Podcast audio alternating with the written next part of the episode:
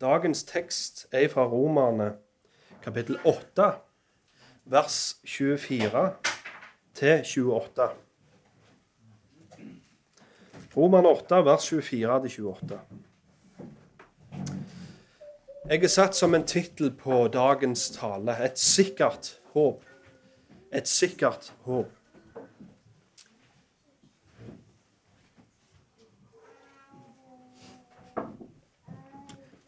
Det er visse ord og begrep som blir brukt i Bibelen, som pga. kulturen vi lever i, har blitt ganske utvanna og har i grunnen mista sin opprinnelige mening. Og et av de ordene finner vi i teksten vår i dag. Og det er ordet håp. Det å ha tru, eller det å ha håp, har i dagens kultur blitt et synonym for noe de i grunnen ikke kan vite helt sikkert. Får du spørsmålet, og du svarer 'ja, jeg tror det', eller 'jeg håper det', så vet han som spør deg, at du vet i grunnen ikke helt. Ordet håp er ofte blitt et ord som er assosiert med dagdrømming. Du håper det blir fint vær. Du håper du får det du ønsker deg til jul. Du håper du får en god karakter på matteprøven. Og hvis vi med den forståelsen av disse ordene kommer til Bibelen, ei bok som bygger på tro og er full av håp, ei bok som formaner leserne til å tro på budskapet og sette sitt håp til det, så kan det virke ganske absurd og lite sikkert, det Bibelen ber oss om å gjøre. Men for at vi skal kunne finne en trøst i det håpet vi har fått, så må vi komme til Bibelen Litt på samme måten som vi kommer til en restaurant. Det er ikke lov å ta med medbrakt, men vi må ete det vi får servert. Vi må velge ifra menyen. Og hvis vi skal bli metta eller oppbygd av dette håpet som, blir, som Bibelen gir oss, så kan vi ikke ta med en medbrakte definisjon på hva ordet håp betyr fra kulturen vi lever i. Men vi må ta den ifra menyen, som er Guds ord. Og på mange måter så er det det vi får her i disse fem versene av Paulus. Han begynner med å gi oss en definisjon på håpet vi har. Og så går han videre til å gi oss to gode grunner for at dette håpet er et sikkert håp. Så la oss begynne med det første punktet.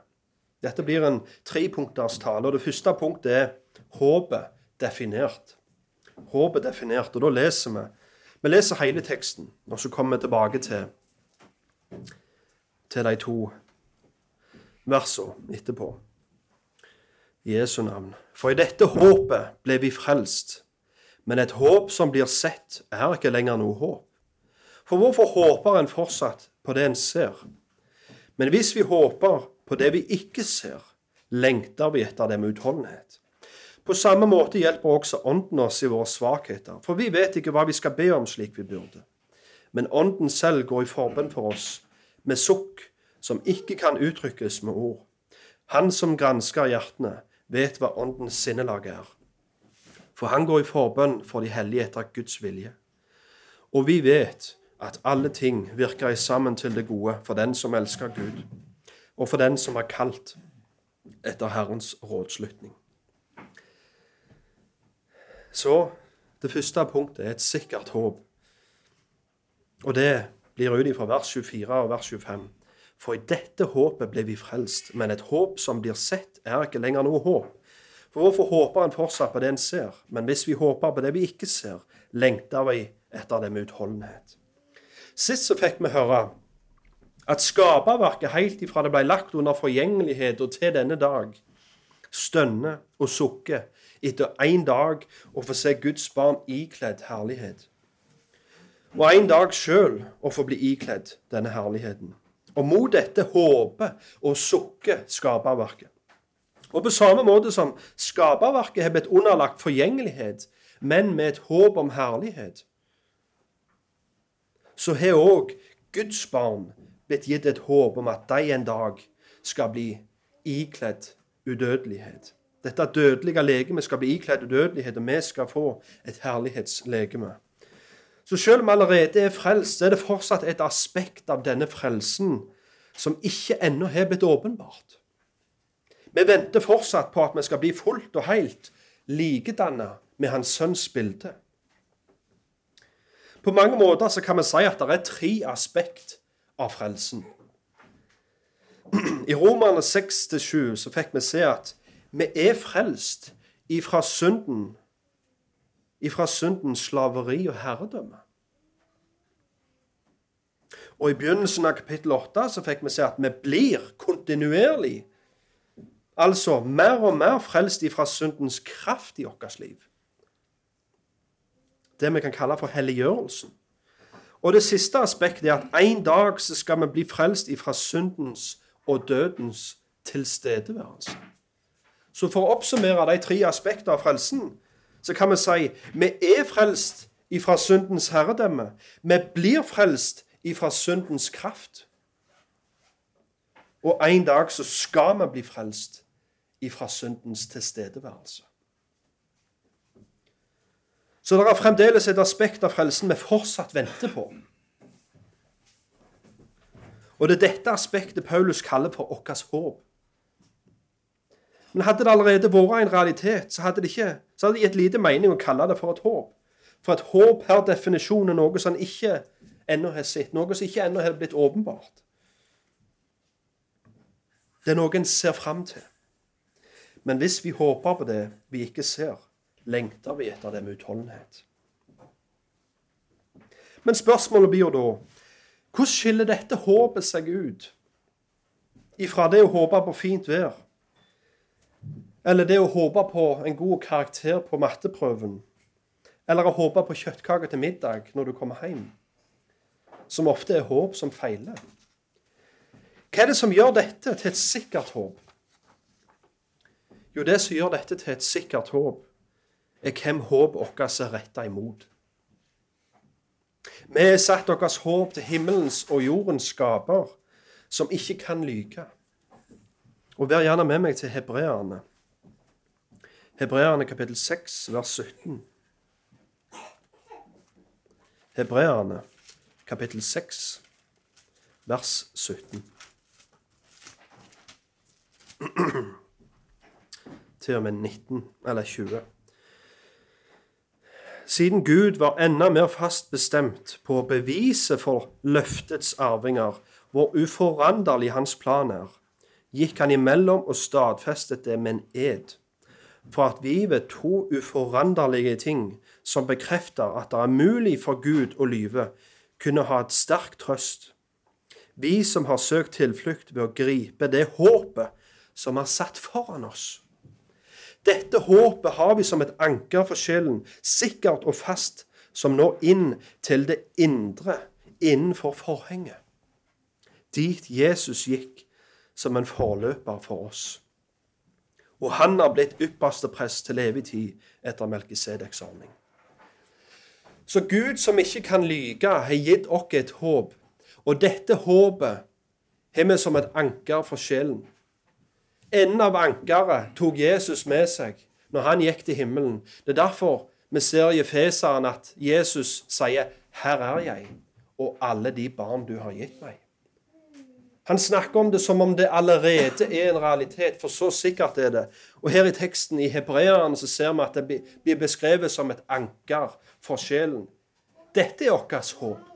Like sikkert som at Jesus nå sitter med Faderens høyre hånd, like sikkert er det at vi en dag skal bli forent med Han og bli herliggjort. Og som vi kan lese i Filipperne 1 vers 6 og jeg er helt overbevist om dette, at Han som har begynt en god gjerning i dere, vil fullføre den inntil Jesu Kristi dag. Det er ikke bare Gud som begynte, og nå er det opp til deg å fullføre. Men det er Han som begynte verket, og det er Han som skal fullføre verket i deg. Og derfor, som Paulus sier i Romerne 5, vers 5, har vi et håp som ikke gjør til skamme. Vi som er frelst og satt deres håp til Jesus, Og at det, med, det at vi en dag skal bli, bli lik Han, vil ikke ende opp med å bli latterliggjort. Vi vil ikke ende, opp, ende opp med å bli gjort til skamme. Vi som har satt deres håp til det. Vi vil ikke bli latterliggjort i vårt håp, som så mange andre er, til det de har satt deres håp til. Men vi har et håp som ikke kan feile, for vi tror på en Gud som ikke kan feile. Og Videre nå så kommer Paulus til å gi oss to gode grunner for at dette håpet ikke kan feile. Og Det første grunnen er at Ånden går i forbønn for oss. Ånden går i forbønn for oss. Og den andre grunnen vi skal se på, er at alt i vårt liv virker sammen til det gode. Vers 26 og 27. På samme måte hjelper også Ånden oss i vår svakhet, for vi vet ikke hva vi skal be om slik vi burde. Men Ånden selv går i forbønn for oss med sukk som ikke kan uttrykkes med ord. Han som gransker hjertene, vet hva Åndens sinnlag er, for han går i forbønn for de hellige etter Guds vilje. For over et år siden så klarte jeg å rote meg opp i noe problem med en bil jeg skulle selge. Bilen var vasket og ren, bildene var tatt, annonser var lagt ut på Finn. Og der lå bilen ei god stund uten at noen tok kontakt og ville kjøpe den. Helt til en dag jeg ble oppringt av et formidlingsfirma lenger oppe i landet. Han drev et firma som solgte biler for folk. Og Han tilbød meg å selge min bil, og avtalen var den at uh, han skulle selge bilen min dyrere enn det jeg hadde lagt den ut for. Jeg skulle få akkurat det jeg ville ha for bilen, og han tok overskuddet. Jeg syns dette hørtes ut som en god deal. Så derfor gikk jeg med på det. Jeg sendte bilen av gårde. Men for å gjøre lang historie kort Etter flere uker så klarte de endelig å selge bilen. Det var glede i heimen, og nå var det bare til å vente til pengene som kom inn på konto. Men det skulle vise seg å være en kortvarig glede. For ukene ble til måneder. Pengene hadde ennå ikke kommet inn. Jeg var rådløs. Jeg visste ikke hva jeg skulle gjøre. Det var snakk om over 200 000, så jeg tenkte jeg kan ikke bare la dette gå. Her må jeg handle. Så Derfor så gikk jeg ned til det lokale lensmannskontoret og forklarte situasjonen. Jeg sa dette her vil jeg anmelde. Dette her er tydelig ulovlig. Vi hadde en kontrakt, og den var brøten på alle punkt. meg og dette formidlingsfirmaet. Lensmannen endte opp med å kontakte, både i form av mail og telefon, dette firmaet. Han konkluderer likt som meg at her er det et firma som har gjort noe grovt ulovlig. Og brøt kontrakt og ene og det andre.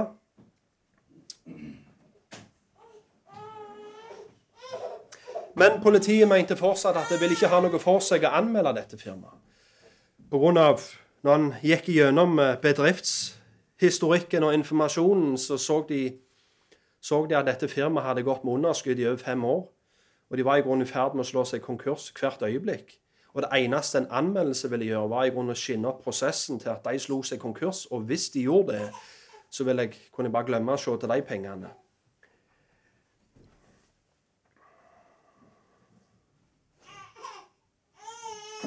Jeg var etterlatt og rådløs enda en gang.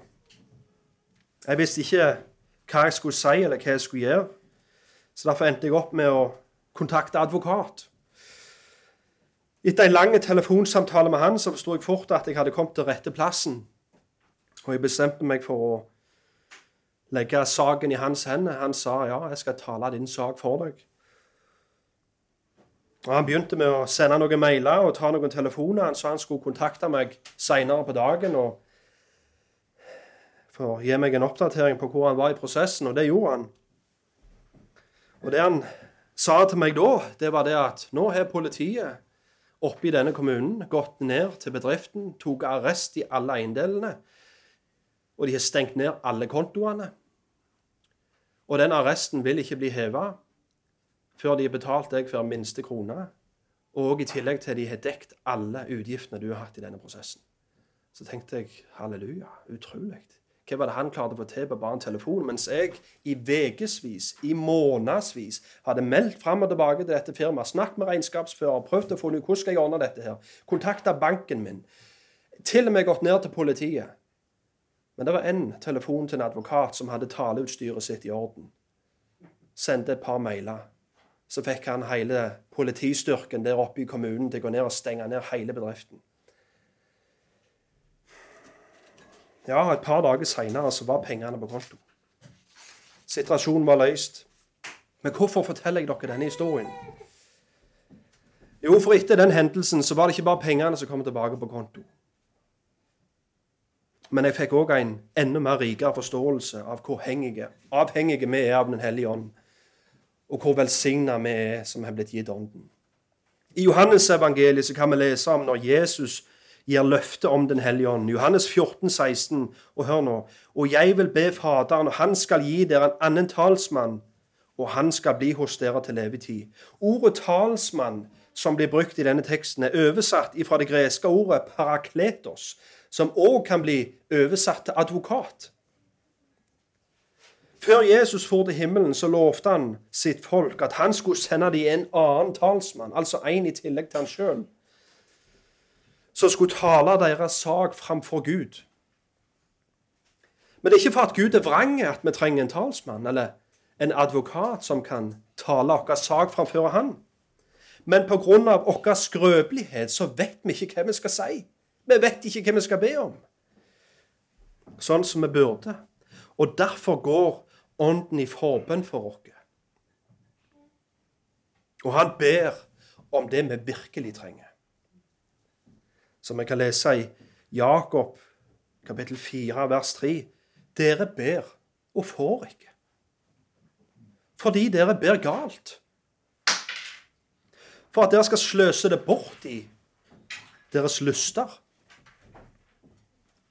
Når vi ber, så kan bønnelisten vår ofte høres ut som ønskeliste. Spesielt hos unger, der det er veldig tydelig og lett å se det, men, men også hos voksne. Vi er litt bedre å kamuflere det og pakke det inn i åndelige ord, men ofte så blir det ønskeliste, der vi egentlig vil bare be og sløse vekk bønnene våre i, i kjødelige lyster. Men når det kommer til bønnelivet vårt, så virker òg helliggjørelsen der. For jo mer vi forstår og vet om Gud, jo mer vil òg bønnelivet vårt bli forma mer og mer til, til, det som er i samsvar med, samsvar med Hans vilje for oss. Men selv om det er sant, så vil vi likevel, så lenge vi bor her på jord, trenge hjelp av Ånden som går i forbønn for oss. For til og med Paulus, som vi virkelig kan kalle for en hellig og rettferdig mann, en gudfryktig mann. Til og med han visste ikke alltid hvordan han skulle be. Og han bedde faktisk galt. Og For å ta to eksempel på det 2. Korinterne 12, 7-9. Den kjente teksten om Paulus som hadde en tårn i kjødet. Og der trenger ikke lese teksten, jeg bare vil referere til den. 2. Korintene 12, 7-9. Paulus hadde en tårn i kjøttet, og det er heftig debattert hva denne tårnen var.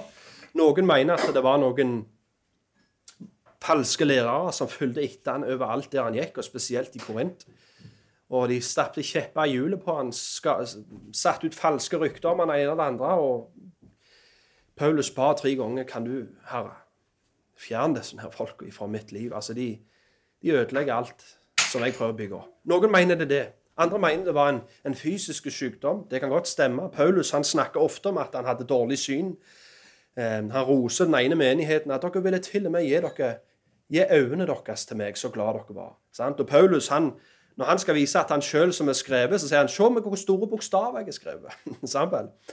og når han spotter denne ypperste presten vi leser om, eh, sier Paulus det jeg beklager. Hadde, hadde jeg sett det var deg, så hadde jeg aldri sagt det sånn. Er det, det, er veldig mye som kan vitne om at Paulus hadde et veldig dårlig syn. Det er derfor i mange av brevene så er det andre folk som skriver brevet for han. Men Vi kan ikke si noen av disse tingene sikkert. Men det vi kan si sikkert, det var at eh, dette var noe Paulus bedde Gud om tre ganger. Kan du fjerne dette? Men det ble ikke fjerna. For det var ikke Guds vilje at det skulle bli fjerna. Men det svaret Gud ga han, det er at 'min nåde er nok for deg'. For min kraft blir fullenda i skrøpelighet. Hva vil det si? Jo, når du er skrøpelig, Paulus, så er det ikke noen tvil om hva det er som gir deg styrke. Og det er meg. Når karet er skjørt og svakt, så blir det veldig tydelig styrken som bor i det. Og sånn er det med oss mennesker. Når vi er skrøpelige, så blir det veldig tydelig at det kan ikke være vår egen styrke som gjør at vi klarer oss. Det må være noe annet. Og det var nettopp det Gud sa. Nei, jeg skal ikke fjerne denne tornen. For når du er svak, så blir det veldig tydelig Kristus i deg. En annen gang vi kan lese om Paulus bedde. Og han ba og fikk ikke svar. Det han kanskje kunne ønske seg. Og det har vi fra Filipperne, kapittel 1, vers 22-24.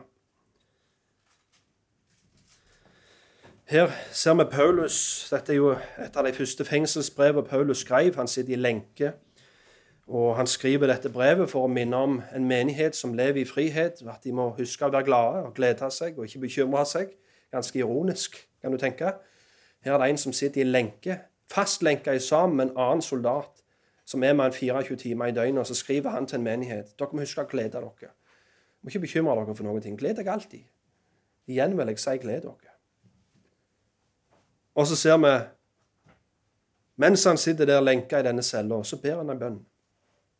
Og den går sånn som dette. For meg er livet Kristus og døden en vinning. Men dersom det å leve i legeme gir frukt av mitt arbeid, da vet jeg ikke hva jeg skal velge. For jeg drar sterkt til begge deler. Jeg har et ønske om å bryte opp herifra og være med Kristus, som er det aller beste. Men å bli værende i kjødet er likevel mer nødvendig for dere. Paulus ba i bønnen. Han sier, vet du jeg, jeg, jeg, jeg ønsker å gå hjem. Det er det jeg vil. Det er min bønn. Men det kan være jeg skal være her. Jeg vet ikke. Så mange ganger så ser vi til og med Guds folk. De vi har som våre troens helter, de ber, men Gud svarer de annerledes. Han gir de noe annet enn det de ber om. Så pga. vår skrøpelighet så vet vi ikke alltid hvordan vi skal be, eller hva vi skal be om. Men her kommer Ånden vår til hjelp. Vi er blitt gitt en hjelper, en advokat, som kontinuerlig, hver dag, jobber for deg. Han jobber for at du skal ha framgang i din vandring. Han jobber for at du skal nå målet.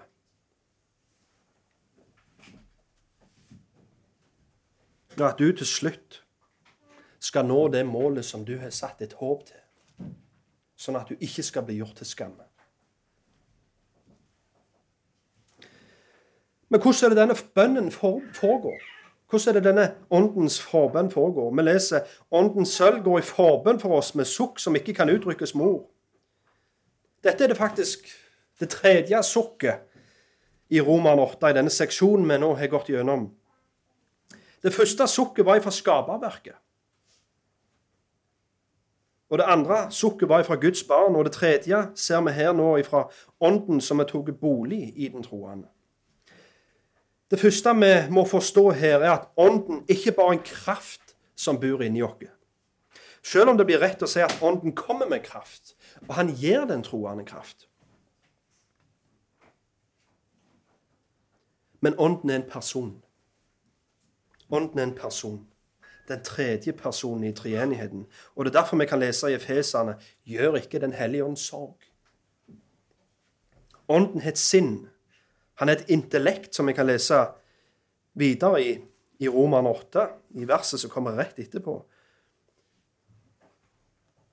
For vi vet ikke hva vi skal be om slik vi burde, men Ånden selv går i forbund for oss med sukk som ikke kan uttrykkes med ord. Han som gransker hjertene, vet hva Åndens sinnelag er.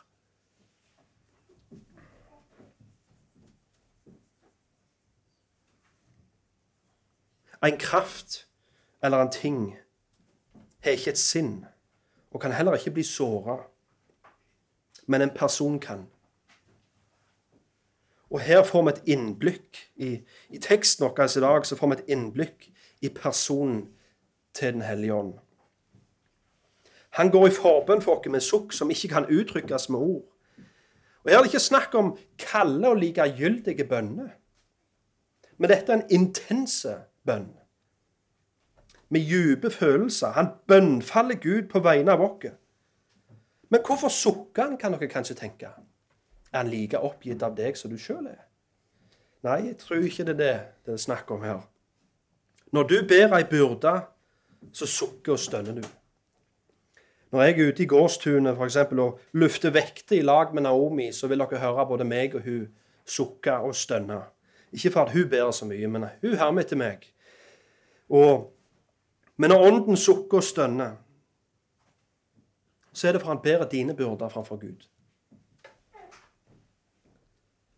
Han føler tyngden av byrdene som er i ditt liv. På samme måte som Jesus blir beskrevet i hebreerne som en ypperste prest som har medfølelse med oss. For han sjøl har måttet lide. Videre så leser vi han går i forbønn for oss med sukk som ikke kan uttrykkes med ord. Om det ikke er ord, så betyr ikke det at det er mangel på innhold, og at det ikke er intellektuelt, det som foregår. Grunnen for at Ånden ikke trenger å ytre ord når han ber for oss, er for at Faderen kjenner Åndens sinnelag, som vi leser videre. Han som gransker hjertene, vet hva Åndens sinnelag er, for han går i forbønn for de hellige etter Guds vilje. Faderen kjenner Åndens sinnelag perfekt, og derfor er det ikke nødvendig for Ånden å ytre ord. All kommunikasjon blir ikke nødvendigvis gjort med ord. Heller ikke blant dere mennesker. Hvis du har vært gift en stund, f.eks., så vet du hva jeg snakker om. Konene våre er veldig gode å kommunisere uten å bruke et eneste ord. Mange ganger er det ikke mer enn et blikk, så vet du akkurat hva de føler, og hvor de er hen, og hva de tenker. Og den intime kommunikasjonen er det vi her får beskrevet mellom Faderen og Den hellige ånd på vegne av oss.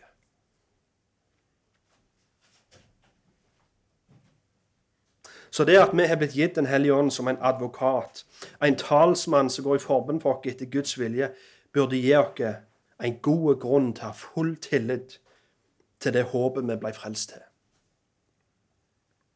Det andre grunnen for at vi kan ha full tillit til dette håpet, får vi i vers 28. Vers 28. Og vi vet at alle ting virker i sammen til det gode for den som elsker Gud, for dem som er kalt etter hans rådslutning. Dette er et velkjent vers. Og For mange kristne så er det et av de mest dyrebare versene i hele Bibelen. Jeg vet at i mitt eget liv så har jeg utallige ganger måttet minne meg sjøl og andre på de sannhetene som, som det står her. Og Hvis vi skal gå til rett til kjernen av hva dette verset faktisk sier, så er det at ingenting som skjer i en kristens liv, er tilfeldig. Og det er heller ingenting som er meningsløst. For Gud har en mening og et mål med alt som skjer i den troende sitt liv. Men pga. at dette her er blitt et sånn et dyrebart vers for så mange kristne, så er det òg et av de versene som ofte har blitt løsrevet fra den sammenhengen det står i. Verset blir trykt på T-skjorte, kaffekopper. Vi rammer det inn og har det på veggen. Og når han gjør det, så er det veldig lett å glemme at dette verset har en kontekst. Det er faktisk meint som et svar til et problem Paulus har lagt fram og vil fortsette å legge fram her i Roman 8. Og det problemet er at vi er ennå ikke herliggjort. Vi er fortsatt i disse skrøpelige og dødelige kroppene. Og vi bor i en forgjengelig verden som lengter etter herlighet. Og her vil vi erfare lidelse, som vi fikk høre i vers 17 og 18. Og videre i kapittelet så vil vi få høre om trengsel, angst, krig, død, hunger. Og det er i lys av dette Paulus sier, og vi vet at alle ting virker sammen til det gode på den som elsker Gud. Han skriver ikke 'og vi føler' eller 'og vi ser' at alle ting virker sammen til det gode. For sannheten er den at vi gjør ikke alltid det. Det er ikke alltid at vi føler at det er veldig meningsfullt, de utfordringene vi står i. Og det er ikke alltid at vi ser og forstår hvordan de lidelsene vi erfarer, virker sammen til det gode. Men om vi ikke kan føle det eller se det, så sier Paulus og vi vet. Dette er en objektiv sannhet. Men hvordan kan vi vite at Gud har en mening og en plan med alt som skjer i vårt liv? Og det korte svaret er for vi vet hvilken Gud vi har med å gjøre. Han er ikke som en guddommelig klokkemager som trekker opp jorda som ei klokke og får ting her nede til å tikke og gå uten å være involvert i prosessen. Men vi tror på en suverene Gud som er nært involvert i alt det som skjer her på jord. Og Nå vil jeg ta dere med til noen bibelvers for å vise dere hvor suveren og involvert Guden vår faktisk er. Og Jeg kan bare, bare skrive de gjerne ned. Jeg trenger ikke bla opp alle sammen, men skriv de gjerne ned. Matteus 10, 29. Blir ikke to spurver solgt for en koppermynt, og ikke én av dem faller til jorden uten deres fars vilje? Med andre ord, det er ikke en eneste fugl som faller til jorda uten at det var Faderens vilje. Ordspråkene 1633. Terningen kastes på fanget. Hvor den faller, bestemmer Herren. Så til og med en så uvesentlig ting som hva side terningen ender opp på etter du er trilt den, er det Herren som styrer. Og når Gud gir oss eksempel på hvor involvert og suveren han er over små og uvesentlige ting i denne verden, hvor mye mer tror du ikke da han er involvert og styrer de større ting? Ordspråkene 21, vers 1. Kongens hjerte er som vannbekker i Herrens hånd. Han bøyer det dit han vil. Apostelens gjerninger 1726. Apostelens gjerninger 1726. Han har gjort hvert folkeslag av ett blod og latt dem bo over hele jorden. Og han har fastsatt deres forutbestemte tider og grensene for deres bosted. Jobb 12,23. Han lar folkeslag vokse seg store, og han lar dem gå til grunne. Han lar folkeslag spre seg utover, og han leder dem. Så Gud er ikke bare suverene over de små ting, men Gud, han er suverene over alle ting. Det er ikke det er ingenting som skjer her på jord som er ut forbi Guds kontroll, eller som går imot Guds evige plan. I Efeserne 1,11 så leser vi i ham har vi også fått en arv etter at vi ble forutbestemt til det etter hans bestemte hensikt. Og hør nå han som utfører alle ting etter sin viljes råd. Vi kan vite sikkert at alle ting virker sammen til det gode for de som elsker Gud for vi vet hvilken Gud vi har med å gjøre, og det er en suverene Gud som utfører alle ting etter sin viljes råd. Og han har allerede sagt hva som er hans vilje for de som tror. I Johannes 6, vers 39. Og dette er Faderens vilje, som sendte meg, at av alt det Han har gitt meg, skal jeg ikke miste noen, men jeg skal oppreise det på den siste dag. Så denne guden, denne suverene guden som utfører alt etter sin viljes råd, hva vilje er han for den troende?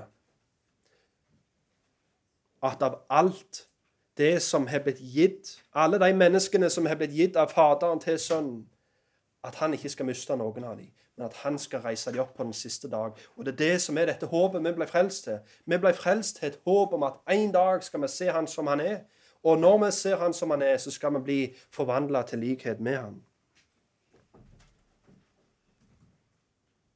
Når vi leser i Roman 8,28 at alle ting virker sammen til det gode for de som elsker Gud, så er det gode han her refererer til at vi som tror en dag skal bli likedannet med hans sønns bilde. Altså at vi en dag skal bli herliggjort sånn at Jesus kan bli den førstefødte iblant mange brødre, som vi leser i verset rett etterpå, vers 29. Og for å si det på en annen måte alt i vårt liv virker Gud i sammen for at det håpet vi har fått, skal gå i oppfyllelse. Og for at vi ikke skal bli gjort til skamme, vi som har satt deres håp til Gud. Så det gode er ultimat sett til noe som ligger der framme. Noe vi ikke ennå kan se. Og derfor er det noe vi håper på. Men det er òg et annet aspekt av dette, og det er at allerede nå har Gud begynt å forme oss til likhet med sin sønn. Og det er det det vil si å bli helliggjort.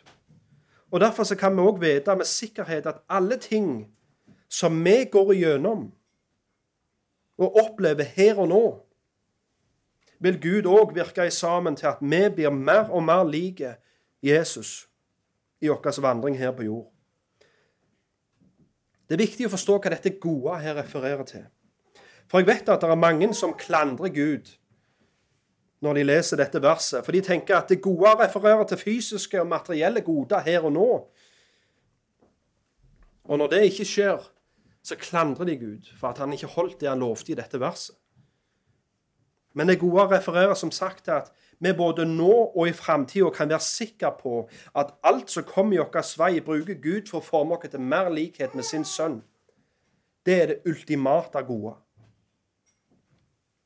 Men når Paulus her skriver 'alle ting', mener han virkelig da alle ting?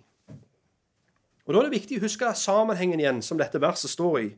Paulus har sagt, og vil fortsette å snakke om, lidelse, forfølgelse, død, hunger, angst osv. Og, og dette er en del av de alle ting, alle omstendigheter i ditt liv bruker Gud for å forme deg mer til likhet med sin sønn. Han lar deg lide. For at du på samme måte som Kristus skal kunne ha medfølelse med de rundt deg som lider. Han lar deg møte utfordrende mennesker for at du skal lære deg å elske ubetinget. Og lære deg å bære en annens byrde. Han gir deg ei kone for at du skal lære deg å elske hun sånn som Kristus elsker menigheten. Og han gir kona en mann Sånn at hun skal lære å underordne seg han og respektere han. Og så sønnen gjorde for Faderen og modellerte for når han var her på jord. Han gir deg unge for at du skal lære deg å være nådige og utholden. Han lar folk Han tillater at folk synder mot deg. Så du skal lære deg å tilgi.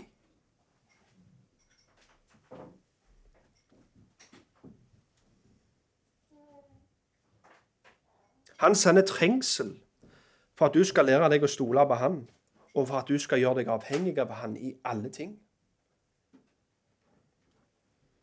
Og Dette hadde Jobb forstått når han sier er det bare det gode vi skal ta imot ifra Gud, og ikke også det onde.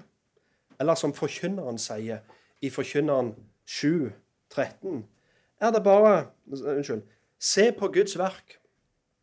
For hvem kan rette det han har gjort krokete? Vær med godt mot på en god dag, og på en ond dag skal du tenke som så sannelig.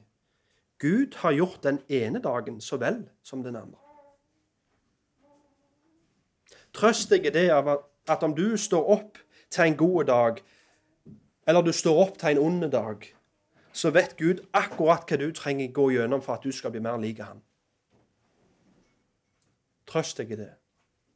Gud vet akkurat hvor mye du skal gå gjennom, og hva du skal gå gjennom, hvem du skal treffe på, for at du skal bli mer lik Jesus. Men hva med synd? Er det òg en del av disse alle ting som han her snakker om? Og svaret er ja. Men det er viktig å forstå at selv om alle ting virker sammen til det gode, så betyr ikke det at alle ting derfor er gode. For synd og ondskap er ikke godt. Selv om Gud kan bruke det i ditt liv til noe godt, og for å forme deg, Og vi må også huske at synd har ikke sitt opphav hos Gud. Og ingen må si når de synder, at det var Gud som fikk de til å gjøre det. For det, så det står i Jakob 1,13.: Ingen må si når han blir fristet, 'Jeg blir fristet av Gud'. For Gud kan ikke bli fristet av det onde, og selv frister han ingen. Men er synd og ondskap en del av de alle ting, så Gud samvirker til det gode i den kristnes liv? Og svaret er ja.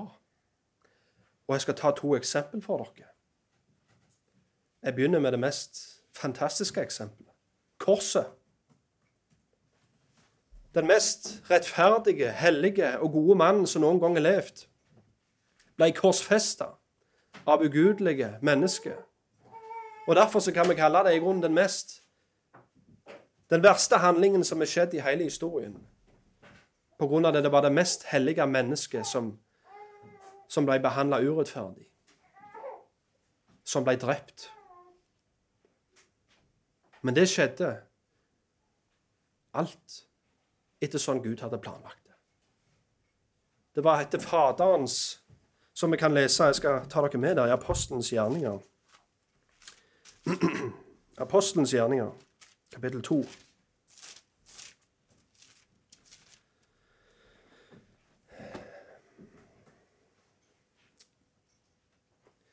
Fra vers 22. Israelittiske menn, hør disse ord. Jesus fra Nasaret, en mann Gud utpekte for dere ved kraftige gjerninger, under og tegn som Gud gjorde ved ham midt iblant dere, slik dere selv også vet, etter at han var blitt overgitt etter, etter Guds fastsatte rådslutning og forutviten.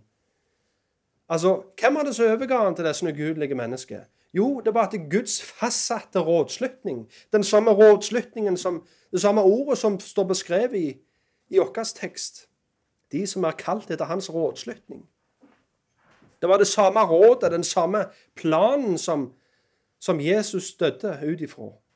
Det var planen at han skulle komme til jord og dø for syndene til sitt folk og bli pint av mennesket. Så det er et eksempel på hvordan, hvordan Gud kan bruke synd hos mennesket, ugudelige mennesker, til allikevel utføre den største handlingen som er skjedd i verdens historie. At frelse kom til mennesket. Et annet eksempel er brødrene av Josef. Dere husker historien. Vi gjør nok det så altfor godt, alle mann. Men jeg vil at dere skal zoome inn oppmerksomheten deres til en spesiell hendelse. Vi vet at brødrene i sin vonde lyst og i sitt hat sant? Vi leser, De kunne ikke si et veltalende ord om sin bror. De var misunnelige på hvordan faren behandla han. og jeg prøver ikke å forsvare faren hans, for jeg syns det er ikke et prakteksempel på hvordan en skal behandle sønnene sine. Men allikevel. De tok saken i sin egen hende. De heiv han i brønnen. Hadde egentlig tenkt å ta livet av han, men de tenkte vi hiver han i brønnen, og så selger man til noen kjøpmenn som kommer forbi. Det var en ondskapsfull handling. Gud holdt ikke et våpen til hodet deres og tvingte de til å gjøre noe. De gjorde som de sjøl ville. De handla ut ifra sine egne vondskapsfulle motiv. Og når vi da zoomer sant, tilbake til slutten av den fortellingen, når Josef da får treffe brødrene sine igjen, så tenker de oi, nå har vi et problem. Nå kommer han til å ta livet vårt. Så Derfor kaster de seg ned for han og ber om nåde. Faren er akkurat dødd, og de tenkte han var den eneste som hindra Josef i å ta livet av oss, men nå er han død. Nå er det ingenting som hindrer. Det eneste vi kan gjøre nå, det er å kaste dere ned fra før han og be om nåde. Men vet du hva Josef, Josef svarer? Dere mente det for vondt, men Gud mente det for godt. Og Her er det ikke snakk om at Gud ser Oi, nå gjorde de det. Det var ikke helt etter planen. Ja, ja, vi får se om vi kan få dette her til å bli noe godt av det likevel. Er det med? Som om ei søster som kommer på den andre søsterens tegning og rabler det ut, og så kommer faren. Ja, ja, men tror du ikke vi skal kunne klare å få dette her til å bli noe fint allikevel? Se hvis vi fikser det. Det er ikke det det er snakk om. Mennesket hadde én mening. Brødrene av Josef hadde én mening og én intensjon med å hive Josef i brønnen. Og deres mening, deres intensjon med det var vonde.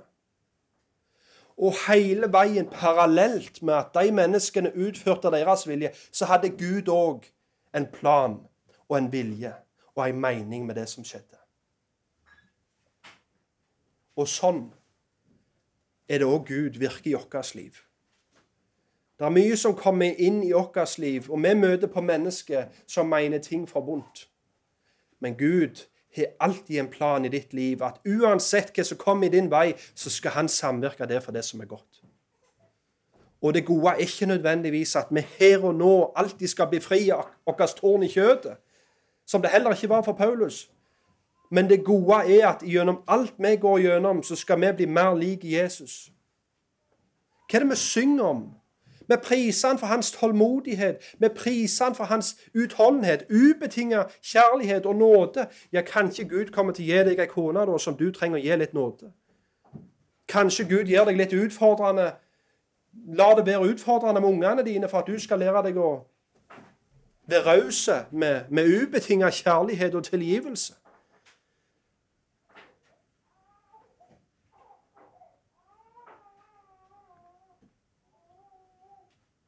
Gud vet akkurat hva du trenger å gå gjennom for at du skal bli mer lik han. Og det er hovedmålet med å være gift. Og Det er hovedmålet med å få unger. Og det er målet med alt det vi holder på med her. Det er at gjennom alt vi går gjennom, så vet vi og stoler på og er trygge på at Gud former oss til mer likhet med sin sønn. Og det er en farlig bønn å, be, bønn å be, kjære venner. Gud, gjør meg mer lik Jesus. Det er en livsfarlig bønn å be. Gjør meg mer lik Jesus. For hvilken vei var det han måtte gå? Via Delarosa, lidelsens vei. For at han, som det står i hebreerne, for at han skulle lære seg medfølelse med brødrene. Og hvis du vil bli mer lik Jesus, ja, forbered deg på å dø. Forbered deg på å dø. Først og fremst til deg sjøl. For det var det Jesus gjorde. Han kom ikke for seg sjøl, men han kom for å legge ned livet for sine brødre. Og det å gifte seg er i grunnen å ta det første steget ned i grava og legge livet ned for kona. Og når dere da er sammen får unger, så tar dere sammen det neste steget ned i grava og dør til dere begge to sjøl sammen for å legge ned liv for ungene. Så mye av kristenlivet handler om å dø for at Kristus skal få enda mer tydelig skikkelse i oss.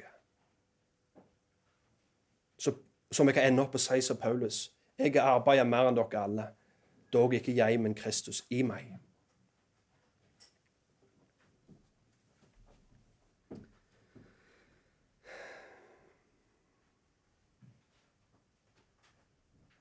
La oss nå se på det siste delen av vers 28. Og vi vet at alle ting samvirker til gode for de som elsker Gud, for den som er kalt etter hans rådslutning. De som elsker Gud, og de som er kalt etter hans rådslutning. Her er vi to betegnelser, og det er i grunn to sider av den samme mynten. For de som elsker Gud, er fra det menneskelige perspektivet. Men de som er kalt etter Herrens rådslutning, det er fra Guds perspektiv. Men det beskriver det samme publikum. Det beskriver den som tror.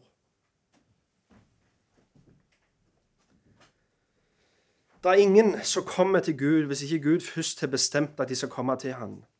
Det å være kalt etter Herrens rådslutning er noe Paulus kommer til å bruke mye tid på å snakke om i resten av kapittelet, men òg i kapittelet som kommer etterpå.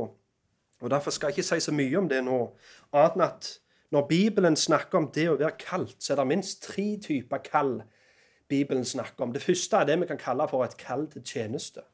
At noen fikk et kall til å være i en tjeneste av Gud. Paulus for eksempel, han, han blir beskrevet flere ganger at han ble kalt til å være en apostel. Det andre kallet vi, vi, ser beskrevet, det er det universelle kallet som ut til alle mennesker, om at alle må omvende seg og tro på evangeliet. Og dette universelle kallet blir ikke nødvendigvis til at folk responderer på det. Men det er likevel et kall som går ut til alle. Men det fører ikke alltid til at folk tar imot. Men det siste kallet, det er det vi kan kalle for et effektuelt kall. Et indre kall.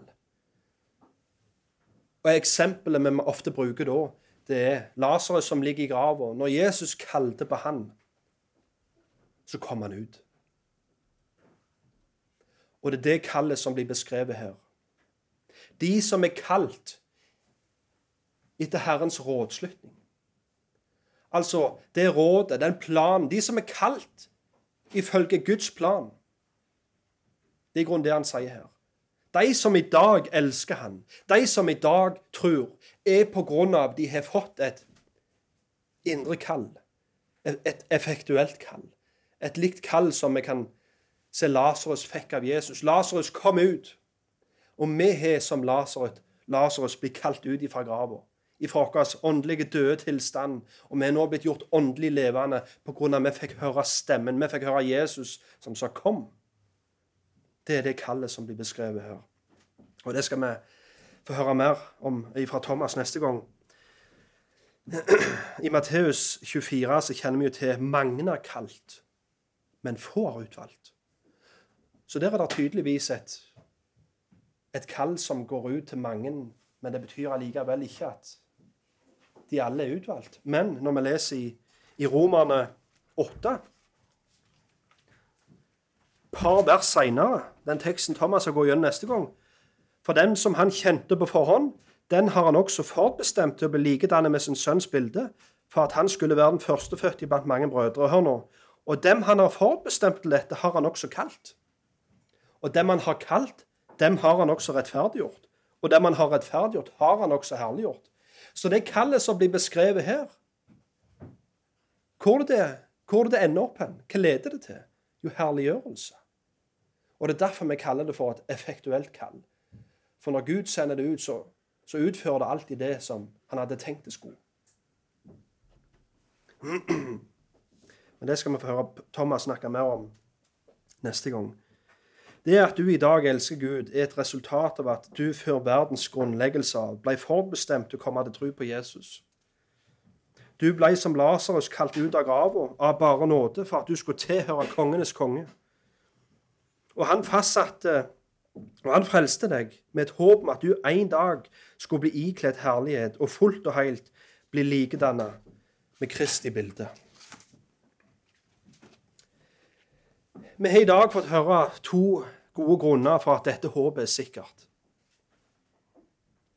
Vi har Ånden som hjelper oss i vår svakhet, for vi vet ikke hva vi skal be om. Når han går i forbønn for oss etter Faderens vilje. Og vi er blitt lovt at alle ting som kommer i vår vei, både godt og vondt, skal samvirke til at vi blir mer like Jesus her og nå, men òg at det skal føre til at vi en dag skal dele Hans herlighet. Så vi har all grunn til å prise Gud for Hans overveldende godhet imot dere. Og for dette sikre håpet som Han har gitt dere. En siste ting før jeg avslutter. Og det er en advarsel. For dette håpet vi har fått høre om i dag, er ikke et håp som alle mennesker har.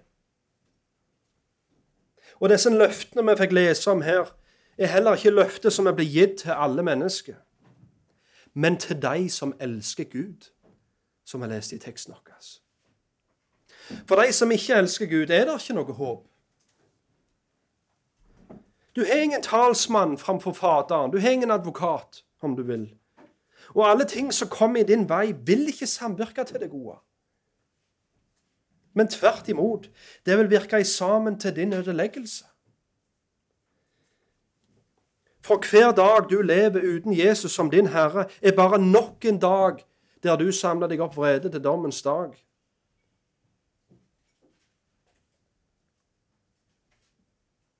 Så hvis du kjenner på en tomhet og en meningsløshet i ditt liv vekk ifra Gud, så gjør du det med rette. For vekk ifra Gud så fins det ingen fred. Det fins ingen glede.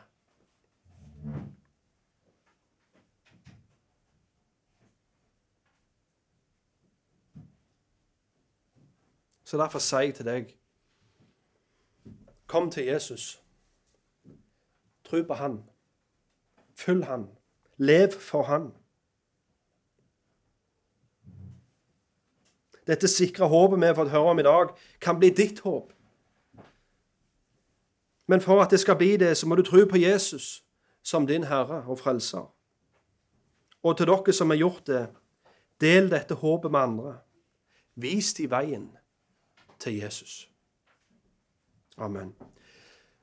Kjære himmelske Far, vi takker deg for din godhet imot dere. Takk for dette håpet, dette sikre håpet som vi har som en anker for sjelen, trygt og fast innenfor forhenget.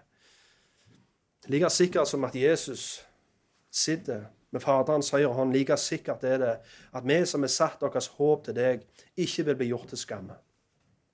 Vi priser deg, vi takker deg. I Jesu navn. Amen. La oss da uh, synge.